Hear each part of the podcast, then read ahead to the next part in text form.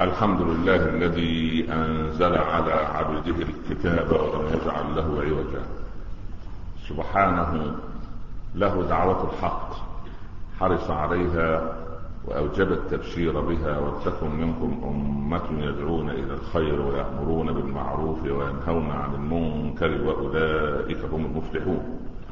وأشهد أن لا إله إلا الله وحده لا شريك له وضع الحجة وأتم المحجة. ويأبى الله إلا أن يتم نوره ولو كره الكافرون. وأشهد أن سيدنا وحبيبنا محمدا رسول الله. بلغ الرسالة وأدى الأمانة ونصح الأمة وكشف الأمة. وجاهد في الله حق جهاده حتى أتاه اليقين. صل اللهم عليه وعلى آله وأصحابه وأزواجه وأتباعه الذين آمنوا ولم يلبسوا إيمانهم بظلم. أولئك لهم الأمن وهم مهتدون. أما بعد. أيها الإخوة المسلمون لكل شيء ميزان يوزن به الشيء. فللمكاييل ميزان بالجرام وبالكيلوغرام وللأطوال مقياس السنتيمتر والمتر والقدم واليربة إلى غير ذلك.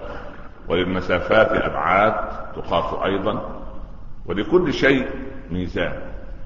فهل للعبادة في الإسلام ميزان نستطيع أن نقيس به ما بين الإفراط والتفريط وما بين الصواب والخطأ وما بين المقبول وغير المقبول وما بين الخالص لوجه الله والذي يفعل رياء أو سمعة أو أشرا أو بطرا. هل هناك ميزان محدد وضعه لنا الصادق المعصوم صلى الله عليه وسلم وسلفنا الصالح من أهل العلم. يستطيع الواحد منا ويستطيع المسلم أو المسلمة أن يقيس عمله. هل لي أن أقيس عملي أو أن أعمل هكذا دون مقياس ودون ميزان؟ لو دخلنا أو يعني عدنا إلى الرعيل الأول من ملائكة البشر الصحابة الغر الميامين رضي الله عنهم وأرضاهم التلاميذ الكبار لأعظم أستاذ عرفته البشرية صلى الله عليه وسلم. ثلاثة فيما تحفظون جميعا من الصحابة من الشباب الذين يحبون الله ورسوله صلى الله عليه وسلم. ذهبوا إلى بيت الحبيب صلى الله عليه وسلم. يسألون عن عبادته. فعلموا أنه عليه الصلاة والسلام يقوم من الليل حتى يقول أهل بيته إنه لن ينام. وينام حتى يقول أهل بيته إنه لن يقوم. ويصوم حتى يقولون إنه لا يفطر. ويفطر حتى يقولون إنه لا يصوم. هكذا ليس هناك يعني مستوى معين من الاستمرارية على شيء. فقالوا أين نحن من رسول الله؟ يعني شتان ما بين العبد الضعيف والبشر المذنب والإنسان البعيد عن الله من هذا الإنسان الذي غفر الله له ما تقدم من ذنبه وما تأخر. أين نحن من رسول الله صلى الله عليه وسلم؟ فقال أحدهم أما أنا فأصوم ولا أفطر. يعني شهر رمضان عندي اثنى عشر شهرا. وقال الثاني وأنا أقوم ولا أنام. يعني الليل كله سوف أصليه لله. وقال الثالث أنا أعتزل النساء ولا أتزوج لأنهن يشغلن العبد عن طاعة الله فيما يظن وصل خبر هؤلاء الثلاثة إلى سيدنا الحبيب صلى الله عليه وسلم. فصعد المنبر وقال بلغني عن أقوام كذا وكذا وكان هذا ديدنه في الأدب صلى الله عليه وسلم. لا يقول فلان فلان لا يدخل عليه رجل أشعث الرأس. يعني شعره منكوش قال ما بال أحدكم يدخل علي أشعث الرأس كأنه شيطان. أفلا كان في بيته مشت إن الله جميل يحب الجمال نظيف يحب النظافة طيب لا يقبل إلا طيبا بحثت في كتب السير وكتب الحديث. إن لم أقل كلها فجلها. فما وجدت راويا يقول إن أحدا من الصحابة التفت ليرى من يتحدث عنه رسول الله. يعني تخيلوا أنت أنا الآن لو قلت ما بال أحدكم يدخل الآن ويتخطى الرقاب ويوزع سوف تنظرون بفضل الله جميعا لتنظر هذا المجرم المتعدي على سبحان الله.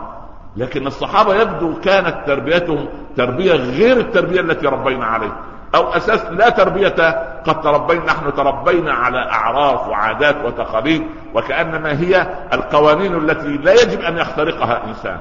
ما بال أقوام يقولون كذا وكذا. سبحان الله. أنا إني أصوم وأفطر. وأقوم وأنام. وأتزوج النساء. هذه سنتي. فمن رغب عن سنتي فليس مني. إذا الإفراط في جانب اليمين أو التفريط في جانب اليسار دون وسطية هذا الدين وتطبيقه حتى في العبادة الأمر يحتاج إلى وقفة. يا أبا بكر قال نعم يا رسول الله ما لي أراك تخفض صوتك وأنت تصلي؟ فان أبو بكر يخفض صوته حتى لا يسمع أحد. قال يا رسول الله أسمعت من ناجيت. يعني الذي أناجيه من صفاتي أنه إيه؟ سميع بصير. أسمعت من ناجيت. وأنت يا ابن الخطاب لم ترفع صوتك؟ قال يا رسول الله أوقظ الوسنان النائم يعني وأطرد الشيطان. والله كلاهما خير. صح أم غير؟ يعني ال- الذي يخفض صوته لأنه يسمع من يناجي وهو الذي يرى ويسمع دبيب النملة السوداء فوق الصخرة الظلماء الصماء. في الليلة الظلماء يسمع صوت أبا بكر وهو يخفض صوته. وأنت يا عمر بما ترفع صوتك؟ يعني يوقظ النائم حتى يستيقظ. وكان صوت عمر جهوري رضي الله عنه. وأطرد الشيطان لأن الشيطان إذا سمع كلام الله خنس. قال يا أبا بكر ارفع صوتك قليلا.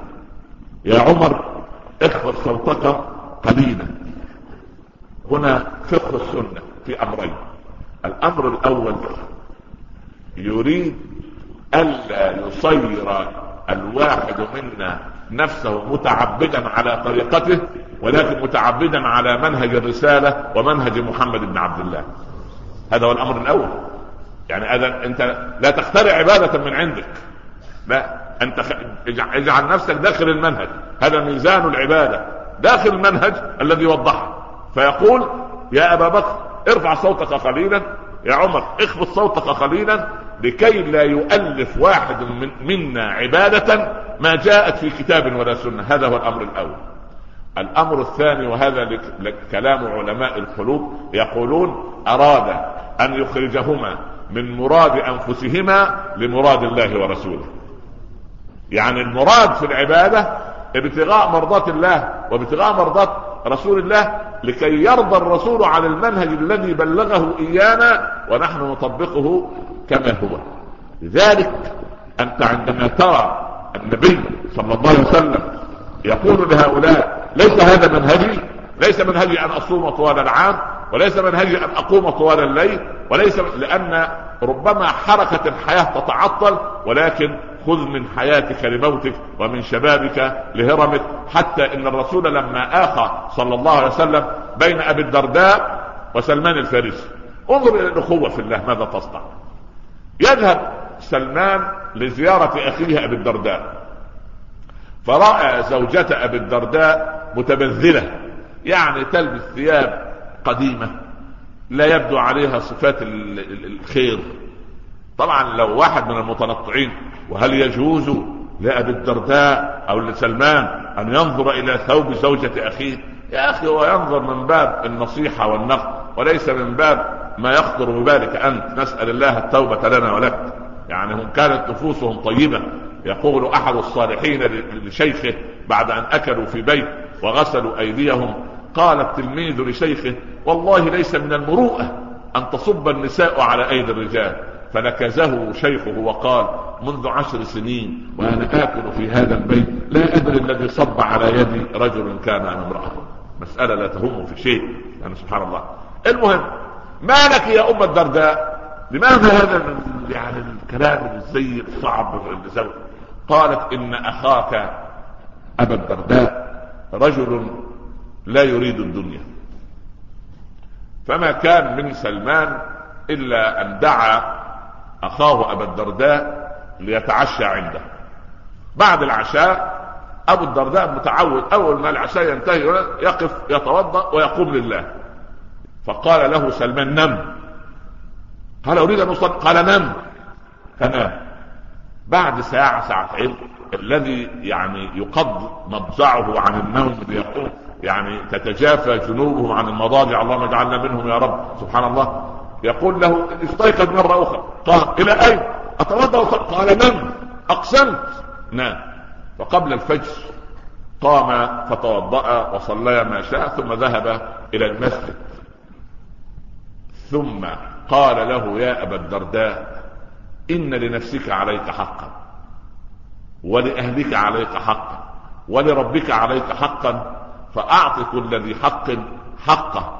عندئذ لما سمع النبي صلى الله عليه وسلم وشكى له أبو الدرداء من أخيه سلمان قال صدق سلمان صدق سلمان. إن لربك عليك حقا ولأهلك عليك حقا ولنفسك عليك حقا. فاعط كل ذي حق حقا إذا ميزان العمل الوسطية والتوازن لأن الغرب لما طلقنا نحن الدنيا تحت عنوان الزهد ولسنا بزاهدين نحن أكثر الناهمين في الدنيا لكن هو كلام ليس إلا نسأل الله أن يكون عملا. طلقنا الدنيا فتزوجها غيرنا فاصلحوا وصلحوا واستعمروا العالم كله وبطشوا بالعالم كله لأنه لا قيم ولا مبادئ. لكننا نحن لو استخدمنا الدنيا مطية للآخرة ومزرعة للآخرة قل من حرم زينة الله التي أخرج لعباده والطيبات من الرزق. هل هناك في الدنيا أزهد من رسول الله صلى الله عليه وسلم؟ كان يفرق شعره هكذا وكان غزيرا شعره صلى الله عليه وسلم وكانت عائشة تصب الطيب في شعره. فكان إذا سار من طريق وسار بعد سويعات أحد الصحابة قالوا لابد أن الرسول سار من هذا الطريق. ما وضعت ذبابة على جسده الشريف قط طوال حياته من شدة نظافته صلى الله عليه وسلم. عبد الرحمن بن عوف يقول جلست أمام رسول الله صلى الله عليه وسلم في ليلة قمراء أمام بيته. في ليلة قمراء يعني في الليل ليلة الثالث عشر والرابع عشر والخامس عشر من الشهر العربي. أنظر إلى وجه رسول الله صلى الله عليه وسلم وأنظر إلى صفحة القمر فأجد صفحة وجه رسول الله أجمل من صفحة القمر. سبحان الله.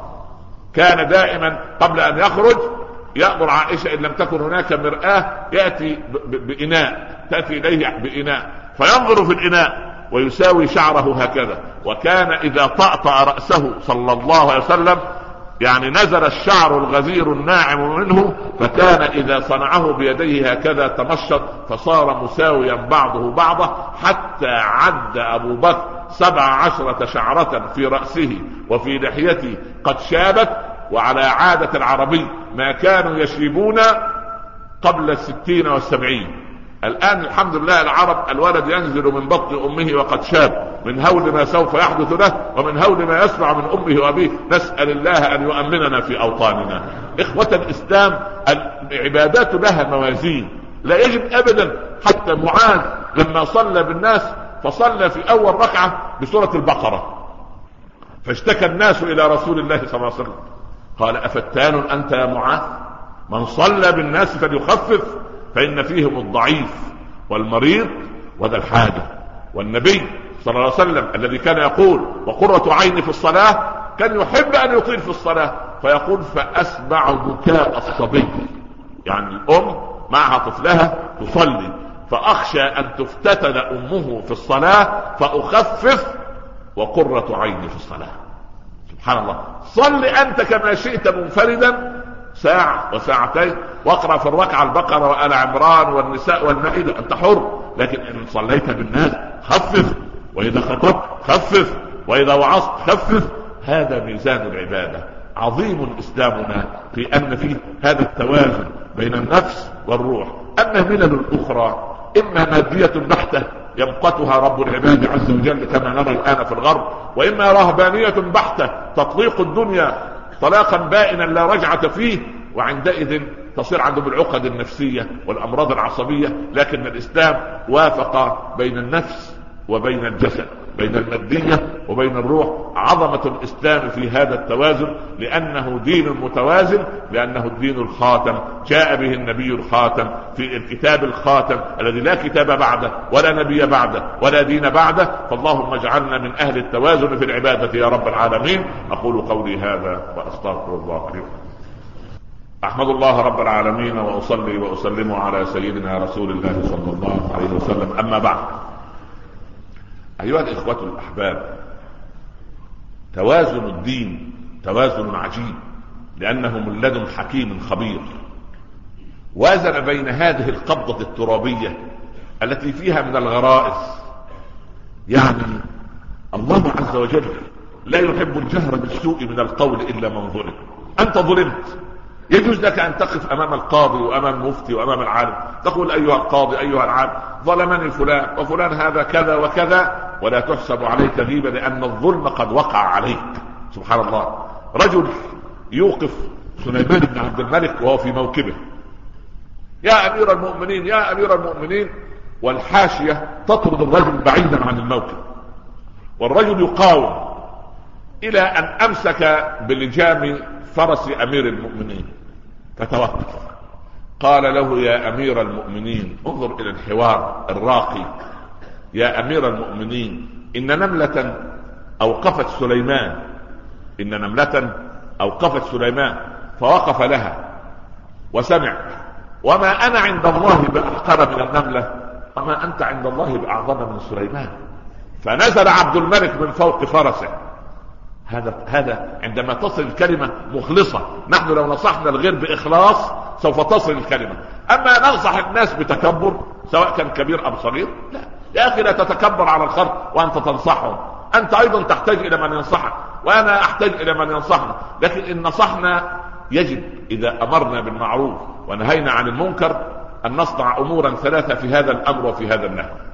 أن نكون رفقاء فيما نأمر ورفقاء فيما ننهى. رفقاء. يا أبت هذا رفق الخليل إني قد جاءني من العلم ما لم يأتك فاتبعني أهدك صراطا سويا. هذا هو الرفق في الدعوة. لم يقل له أنت كافر وأنا مؤمن. أنت إلى النار وأنا إلى الجنة. أنت منحرف وأنا مستقيم. يا أبت إني قد جاءني من العلم ما لم يأتك. رب حامل فقه إلى من هو أفقه منه. ورب حامل فقه ليس بفقيه. سبحان الله. فالمسألة ليست عندما تكون في معرض النصيحة أن تكون رفيقا فيما تأمر رفيقا فيما تنهى عالما بما تأمر عالما بما تنهى. إياك أن تأمر بشيء لا تعرفه ربما تأمر بحرام وتنهى عن حلال. ثم أن تكون عاملا بما تأمر وعاملا بما تنهى. تذكرون قصة الحسن البصري؟ كان في أول درس له في رمضان يتقدم إليه عبد عبد. ويقول له يا سيدي تكلم عن فضيلة العتق. تكلم عن فضيلة العتق. فربما يسمع سيدي فيعتقه. لم يتكلم الحسن. في اليوم التالي قبل بداية الدرس تقدم العبد ليهمس في أذن الحسن هذه الكلمات. فما تكلم. اليوم الثالث وأنت لك مع صديقك وصاحبك واخيك أن تطلب منه الطلب ثلاث مرات. إن كنت مدركا أنه يستطيع تنفيذه ولم ينفذ فكبر عليه أربع تكبيرات. يعني كأنه إيه؟ مات. وإن لم يكن يستطع أن ينفذه فلا داعي لأن تلح في المسألة ولكن ألح في المسألة على الله رب العالمين ولكن دخل إطار واحد التمس لأخيك من عذر إلى سبعين عذرا فإن لم تجد له ولا عذر واحد قل عسى أن يكون له عذر لا أعرفه. أن تكون رفيقا فيما تأمر رفيقا فيما تنهى عالما بما تأمر عالما بما تنهى عاملا بما تأمر عاملا بما تنهى لأنك إن نصحت عندئذ وصلت لكن أن تنصح من باب المنظرة أو من باب التكبر أو من باب أن عندك معلومة معينة أو من باب أن هذا الذي أمامك هو أقل منك مستوى اجتماعي أو علمي أو غير ذلك القضية ليست هكذا. تقول المرأة النصرانية التي أراد أبو ذر وأبو الدرداء لما أراد أن يشتري بيتا خارج المدينة ووصلت صلاة الظهر قال أبو الدرداء للمرأة يا أمة الله هل عندك من مكان طاهر نصلي فيه؟ بيت نصارى ويريدون مكانا طاهرا لصلاة الظهر خارج المدينة. فتقول المرأة النصرانية لأبي الدرداء يا هذا طهر قلبك وصل حيث ما شئت فإن الله سوف يتقبل. فضحك أبو ذر وقال لأبي الدرداء خذها ولو من غير فقيه. مسألة لا تحتاج إلى فقه تحتاج إلى فهم تحتاج إلى وسطية تحتاج إلى هذا الميزان الذي سوف نوضحه بعد الصلاة إن شاء الله رب العالمين. اللهم اجعل لنا أول يومنا هذا صلاحا وأوسطه نجاحا وآخره فلاحا. لا تدع لنا فيه ذنبا إلا غفرته ولا مريضا إلا شفيته. ولا عسيرا إلا يسرته ولا كربا إلا اذهبته ولا هما إلا فرجته ولا دينا إلا قضيته ولا طالبا إلا نجحته ولا عدوا إلا هزمته وقصمته ولا مظلوما إلا نصرته وايدته ولا مجاهدا إلا أيدته ونصرته. يا رب العالمين ارزقنا قبل الموت توبة وهداية ولحظة الموت روحا وراحة وبعد الموت إكراما ومغفرة ونعيما. ارزق أبناءنا بزوجات صالحات وبناتنا بأزواج صالحين واطرد عنهم شياطين الإنس والجن. اجعل هذا البلد آمنا مطمئنا وسائر بلاد المسلمين. ومن أراد بالمسلمين سوءا فرد اللهم سوءه إليه. اللهم أمن إخواننا في فلسطين وأعد إلينا المسجد الأقصى. ومن أراد به سوءا فاجعل تدميره في تدبيره يا رب العالمين. اللهم أمن للعراق عراقهم وأعد للعراق عراقهم واجعلهم على قلب رجل واحد واطرد عنهم شياطين الإنس والجن. اللهم أمن المسلمين في كل مكان. اللهم اطرد عنهم كل مكروه وسوء. واختم لنا منك بخاتمة السعادة أجمعين. وصلى الله على سيدنا محمد وعلى آله وصحبه وسلم. يا رب تسليما كثيرا. بسم الله الرحمن الرحيم والعصر. إن الإنسان لفي خسر إلا الذين آمنوا وعملوا الصالحات وتواصوا بالحق وتواصوا بالصبر. صدق الله ومن أصدق من الله قيلا. نقبل حديثنا بعد الصلاة إن شاء الله. وأقم الصلاة. قوموا إلى صلاتكم يرحمكم الله. أحمد الله رب العالمين وأصلي وأسلم على سيدنا رسول الله صلى الله عليه وسلم أما بعد. إذا قلت لفلان وهو من أهل أوروبا مثلا أنا أريد نصف متر من قماش كذا. يأتي لك بخمسين سنتيمتر. وإن قلت للرجل من جنوب أفريقيا أنا أريد نصف متر من قماش كذا يأتي لك أيضا بقماش طوله خمسين سنتيمتر. وإن كنت للرجل في أمريكا اللاتينيه كذلك يأتي لك بنفس ال... نفس المسافة نفس القيمة. لماذا؟ لأنه عندما توحد وحدة القياس يتفق الجميع.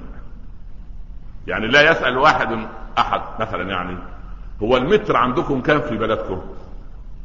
هذا المتر عندنا 100 سم هل يستطيع أن يقول لا والله المتر إحنا ناس أهل كرم. المتر عندنا متر وربع. هل هذا وارد؟ غير وارد. لماذا أنه غير وارد؟ لما؟ أنه لا يرد؟ لأن وحدة المقاييس قد وحدت في العالم. كذلك وحدة الأوزان. يا فلان أنا أريد كيلو جرام من كذا. هو ألف جرام. في جميع أنحاء العالم. وحدة القياس قد توحدت طيب. الخلل الحاصل عند أبنائنا من أبناء الصحوة. لأنهم نسوا توحيد وحدة القياس. أو وحدة الموازين. أو وحدة المكاييل. إحنا عندنا ميزان العمل. في الكفة اليمنى يوضع الكتاب والسنة.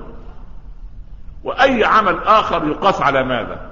على الهوى أم على العادات أم على التقاليد أم على الأعراف أم على يعني ما تصنعه الشعوب المختلفة أم أن كل عمل يتعبد به لله عز وجل يجب أن يكون وفق الكتاب والسنة. لابد من كتاب وسنة لابد من توحيد وحدة الإنسان طيب تعال إلى الصحابة كيف كانوا يقيسون.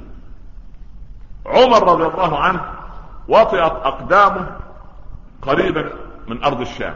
داخل خلاص لزيارة الشام. وعلى فكرة أهل الشام جميعا يهدوكم سلام يعني ما شاء الله. يعني مش عارف يغبطوكم على إيه مش عارف. آه، إحنا نغبط الناس اللي يصلوا. على إيه يعني ده؟ يا عم ده أنا أشد عليهم كل جمعة وخليهم يروحوا هم زعلانين وكده. ويكونوا زعلانين. المهم يعني. لا أدري غبطتهم في مكان هم لأنهم ناس طيبين فيظنون خيرا يعني. المهم. يعني يظنون أو أنتم خير ان شاء الله لكن يظنون بي المهم فسيدنا عمر أول ما دخل على حدود الشام قالوا يا أمير المؤمنين طاعون عمواس. إيه طاعون عمواس؟ طاعون انتشر في البلاد وأصبحت مشكلة. عمر استشار الصحابة. نرجع أم نبقى؟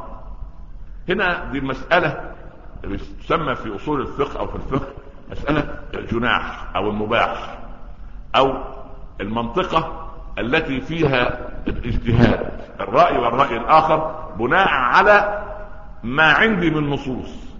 يعني بناء على المجتهد ألف بما عنده من كتاب وسنة وفهم لها والطرف باء بما عنده أيضا. فقال بعض من أتباع عمر لا بد من العودة إلى المدينة. ده خطر ولا تلقوا بيدكم إلى التهلكة. فالتانيين قالوا لا هذا خطر والله يعني أنا فر من قدر الله هذا قضاء الله وقدره. وعمر جاي لزيارة الشام والاطمئنان على أهلها إحنا لا بد من إنفاذ الرحلة. يقف عبد الله بن عمر. إذا به ومعه الميزان.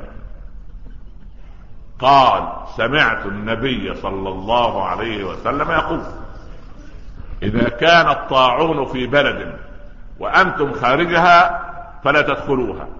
وإن كان في بلد وأنتم داخلها فلا تخرجوا منها. عمر نظر. طب إحنا خارج الشام ام داخل قال إحنا خارج الشام فعاد عمر. أيضا بعض المعترضين كزماننا يا أمير المؤمنين أتفر من قدر الله؟ قال نفر من قدر الله إلى قدر الله. ما ميزان عمر وصحابته في المسألة؟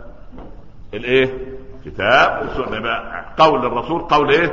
فصل. وما كان لمؤمن ها ولا مؤمنة إذا قضى الله ورسوله ها أن يكون لهم الايه الخيرة من أمره. ومن يعص الله ورسوله فقد ضل ضلالا مبينا. فلا وربك لا يؤمنون حتى يحكموك فيما شجر بينهم ثم لا يجدوا في أنفسهم حرجا مما قضيت ويسلموا تسليما. مجرد عبد الله بن عمر ذكر الحديث هل قالوا سمعنا وسوف نبحث المسألة؟ يعني المرأة المتأبية على الحجاب من أربعين سنة ليه يا أمة الله؟ والله يعني لما ربنا يأذن نقول لها كذبتي لقد أذن الله من 1400 سنة بس انت داخله في ضمن استعباط ها؟ وهتفضلي تستعبطي لغاية ما إن شاء الله رب العالمين هذا اللف والدوران على كلام الله يريدك موارد التهلكة. إذا لما الإنسان يكون وقاف عند حدود الله يقول له خلي بالك اصرف هذا الشيء في المصلحة. يقول له من اللي أمر يقول له رئيس الدائرة رئيس المصلحة. رئيس المصلحة اللي أمر فكر على ياخذ طيب رئيس المصلحة أمر فتحت أمر.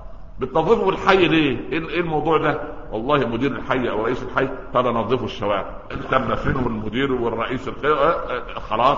رئيس الحي فكلنا إيه؟ نهتم. طب ليه؟ نسير من اليمين إلى اليسار؟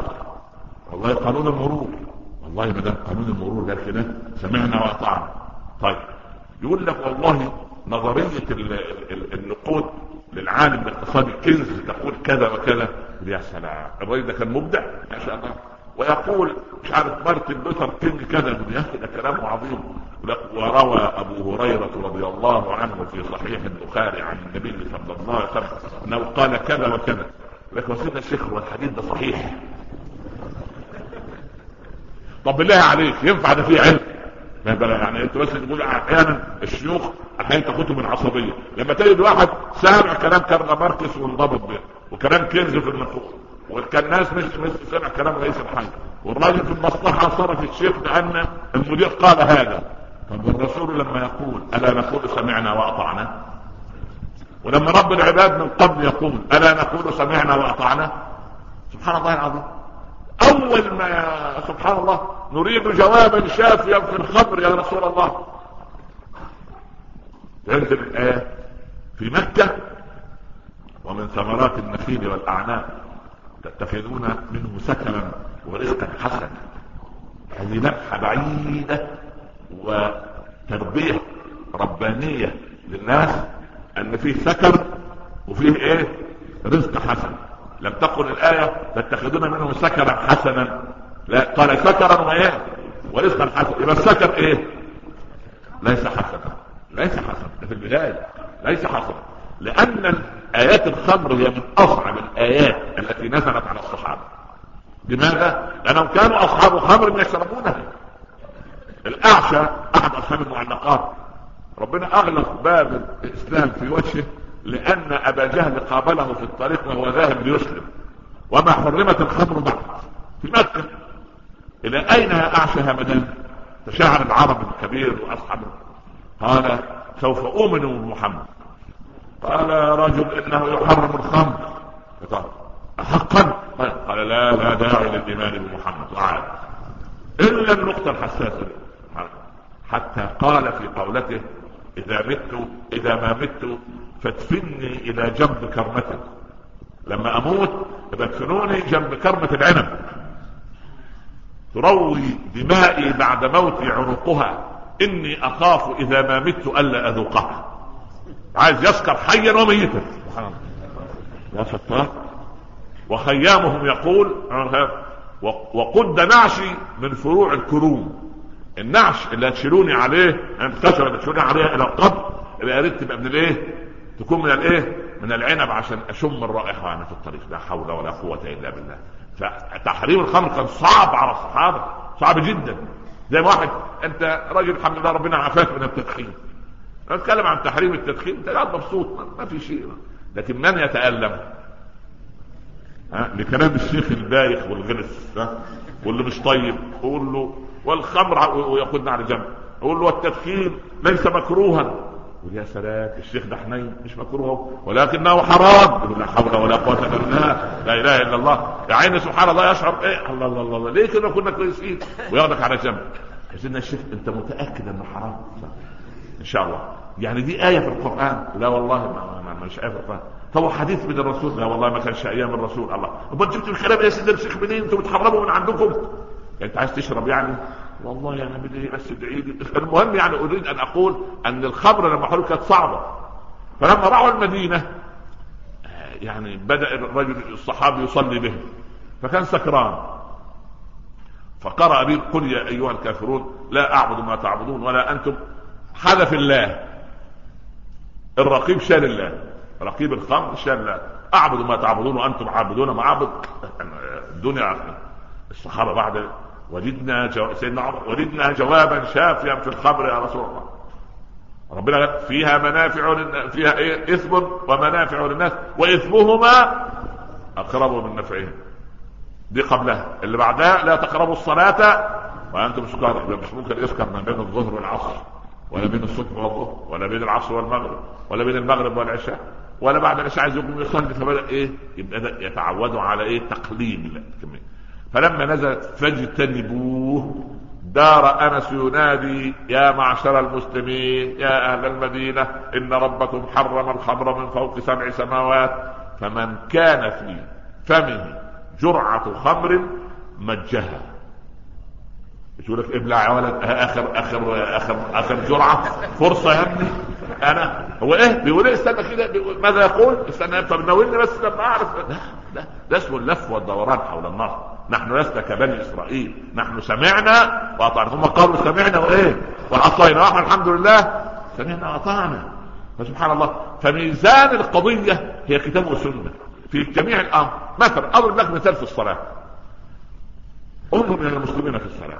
هناك ثوابت وهناك يعني متغير أو في مسألة مختلف فيها أو يستنتج فيها أو يجتهد فيها.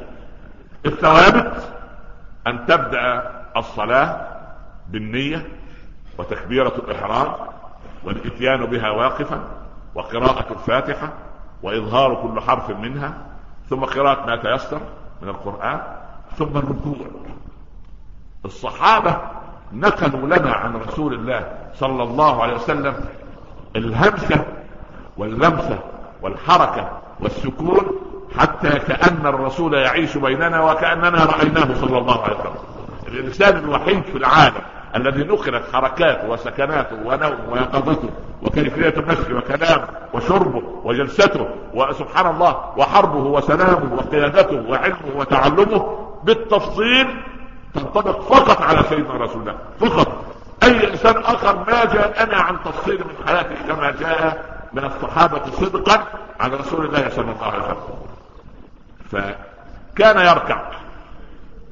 إذا ركع شد رجليه. أنت لو نظرت إلى المصلين وهم راكعون كل واحد راكع بطريقة شد. زي ما شاف أبوه ركع. في العملة إزاي يا ابني ابشر ركوع يا حبيبي. والتاني نازل تحت القاع يا ابني مش كده والله. كيف؟ أن تشد رجليك وتشد يديك وتضعهما على ركبتيك. فإن شددت اليدين والركبتين قال أهل الفقه فكان صلى الله عليه وسلم إذا ركع لو وضع إناء ماء على ظهره الشريف لاستقر. يبقى ظهره بالهندسة درجة كام؟ 90 اسمها الدرجة إيه الزاوية إيه يا سلام دول أولاد مذاكرين ما شاء الله. ما شاء الله يا ما شاء الله. أنا طلع تلميذ فاهم الحمد لله ربنا يفهمنا منا جميعا؟ فالزاويه 90 فتنظر إلى المصلين في المساجد. كل واحد راكع بطريقه اللي دماغه تحت واللي دماغه فوق اولا رأسك على استواء ظهرك.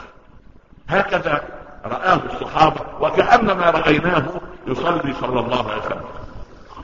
وبعدين لما يقف سمع الله لمن حمده. ربنا ولك الحمد. حمدا كثيرا طيبا مباركا فيه كما يحب ربنا ويرضى. اللهم لا مانع لما أعطيت ولا معطي لما منعت ولا راد لما قضيت ولا ينفع ذا الجد منك الجد. لربي الحمد لربي الحمد لربي الحمد 21 مرة. طبعا هذه له خصيصة أما أنت إحنا راضيين منك سمع الله لمن حمد ربنا ولك الحمد الحمد لله. اخليك على هذا النظام. اللي يرضى عليه. إحنا عايزين الحمد الادنى الله ما نبغي منك يعني لا يكلف الله نفسا إلا وسعها. شكر الله لك عندما تحافظ على الصلاة الجماعة. إحنا بارك الله فيك. عايز تزود خير وبركة. لكن من كلامك على الكتالوج على المنهج على النزاع. لكن يعني نخفف. فقضية هكذا ركع هكذا ركع. فإذا سجد جاف بين ذراعيه. ولكن أمر نساءنا أن تضم ذراعيها إذا كانوا يسمعون الآن دلوقتي بعد بعد الدرس بعد الصلاه بدأوا يدردشوا والبنت اللي هتتخطب والبنت المطلقه والطويله يا إخواننا إذا لم تستطع أن تصمت في بيت الله لحظات الله يرحم رجل كان صار عنده من 25 سنة. زوجته تشكو تقول لي يا ابني عمك فلان لما أحب التقاعد طول الليل أول ما ينام يبتدي يتكلم. فأنا إيه يا مولانا نقرأ عليه إيه؟ فلا حله حاجة واحدة بس. اتركيه بالنهار دعي له فرصة يعبر عن مكنونات نفسه لن يتكلم وهو نائم فرصة بس الراجل يعبر عن وجهة نظر. وإن شاء الله بالليل هينام زيه زي زي اللي بينام. الله فهم مش قادرين يصبروا في المسجد ربع ساعة. أمال في البيت بتعمل إيه؟ لا إله إلا الله. في البيت ماذا تصنع لأن كان ده في بيت في بيت الله واللسان شغال. طب في البيت؟ اللسان وغيره. نسأل الله السلامة. سبحان الله لا حول ولا قوة إلا بالله. ما لهم الرجال ساكتين والمصيبة يا أخي أنا أدافع عنهم في كل وقت وفي كل مكان وما يجبروا بخاطر ابدا. سبحانه وجبر الخواطر على الله زي ما بيقولوا. لا إله إلا الله. اجبروا بخاطر عشان تسمعوا وتنصتوا. المهم السجود يجافي بين ذراعيه صلى الله عليه وسلم. متى عندما أصلي منفردا؟ مسجد مزدحم إحنا بنقول قربه واسجد على ظهر من امامك بالله عليك لو جفيت وأنا جفيت يبقى نصلي في المسجد عشرة. صح ولا لا؟ لما تصلي وحدك صلي بالكتالوج لكن تصلي جنبك وسع لأخوك سبحان الله. فكان يجافي عن جنبيه صلى الله عليه وسلم ويضع يديه تجاه القبلة. كفيه. تجاه القبلة. ولا يضع ذراعيه على الأرض. وإن يباح هذا للنساء. النساء يجوز أن تضع ذراعيها كلها على الأرض. أما الرجل يجب أن يرفع ويضع كفيه فقط. وأصابعه العشرة تجاه القبلة. انظر على المسلمين في الصلاة. عجب. اللي عامل كده اللي عامل اللي عنده النقرس واللي عنده ما هو ما عندوش نقرس ولا غيره بس هو يدعي. سبحان الله. هكذا صلى صلاة. قال صلوا كما رأيتموني أصلي. نحن ما تكلمنا عن السرعة ولا عن العجلة. إحنا نتكلم عن القواعد الثابتة. اذا للصلاة ميزان وللزكاة ميزان. وللصيام ميزان ولحقوق الزوج والزوجة ميزان ولحقوق الأبناء علينا ميزان وحقوقنا عليهم أيضا. لها موازين. فالدين كله عبارة عن موازين ولكن ميزان ينضبط مع سلاسة التشريع مع قدرة الإنسان على التطبيق. قدرة الإنسان على التطبيق. لكن بني إسرائيل عندما كلفوا قال لهم ربنا خذوا ما أتيناكم بقوة. بقوة. لكن قال لنا ما جعل عليكم في الدين من حرج ملة أبيكم إبراهيم هو سماكم المسلمين من قبل. سبحان هذه العظمة بهذا اليسر. قال بعثتم قال صلى الله عليه وسلم بعثتم ميسرين لا معسرين. بشروا ولا تنفروا. يسروا ولا تعسروا. وكونوا عباد الله إخوانا. لكن في حالات تكون لأهل العلم والفقه مرة جاني رجل يعني ملياردير. ربنا يغني العبادة من فضله. قال والله أنا يعني أخطأت والشيطان ضحك علي وأفطرت يوما عمدا في رمضان. قلت بسيطة إن شاء الله. نويت التوبة. قال نعم. قلت لازم اتك كفاره خير تحت أمرك.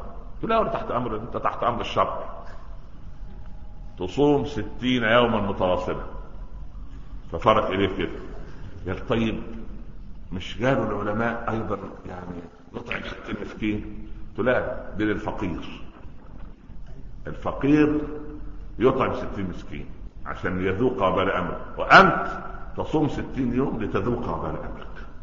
لأن لو قلت له اطعم 600 مسكين بسيطة صح يعني كم يعني؟ 10 20 صح ولا لا؟ لكن في قضايا تربية. في قضايا تربية ذهب رجل لأبي حنيفة وهو أمير. قال أيها الأمير يا أبا حنيفة إني أفطرت يوما عمدا في رمضان. قال صم ستين يوما. قال يا أبا حنيفة اعتق رقبة أو عتق تعتق قال أو قدر الأمير أن يعتق رقبة معقول؟ ده الأمير يعتق شعب خلي بالك. لكن يصوم أولى عشان إيه؟ يكون ده تهذيب واصلاح سبحان الله العظيم. لابد من سنوات طويلة جاءني جاءتني ثلاث معيدات في الجامعة. معيدات في قسم اللغة الفرنسية. أهلا وسهلا والله إحنا للأسف إحنا لابسين كده يعني شبه حجاب عشان نقاطع فضيلة إحنا أصلا مش محجبات. ربنا يهديكم يا بنات. طيب الموضوع هو صحيح حقيقة يعني أن الحديث في حديث فينا إحنا كنساء. أن إحنا ناقصات عقل ودين؟ قلت لا يا بنتي. ما في حديث أنكم ناقصات عقل ودين. أمال الناس يقولوا إن النساء ناقصات عقل ودين. لا هكذا قال صلى الله عليه وسلم. يعني إذا نقلت لا هذا الكلام كان للصحابيات وللتابعيات. أنتم أساسا لا عقل ولا دين. أساسا. ده ده قال هذا لعائشة وقالها لفاطمة.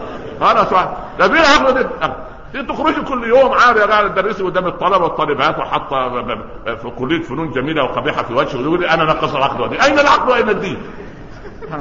ففي ناس أحيانا يضيق ذرعا بصراحة العلماء ولكن نحن كأطباء أحيانا نصارح وأحيانا نداهن لكن نريد أن نعيد الجميع إلى الميزان الحقيقي. جعلنا الله وإياكم ممن يزنون كل أمر بميزان الشرع الواجب الأسبوعي ارجع إلى البيت وانظر. هل أنت وفق ميزان التعامل مع زوجتك وأولادك وجيرانك وعملك. صلاتك هل على الميزان الحقيقي؟ عملك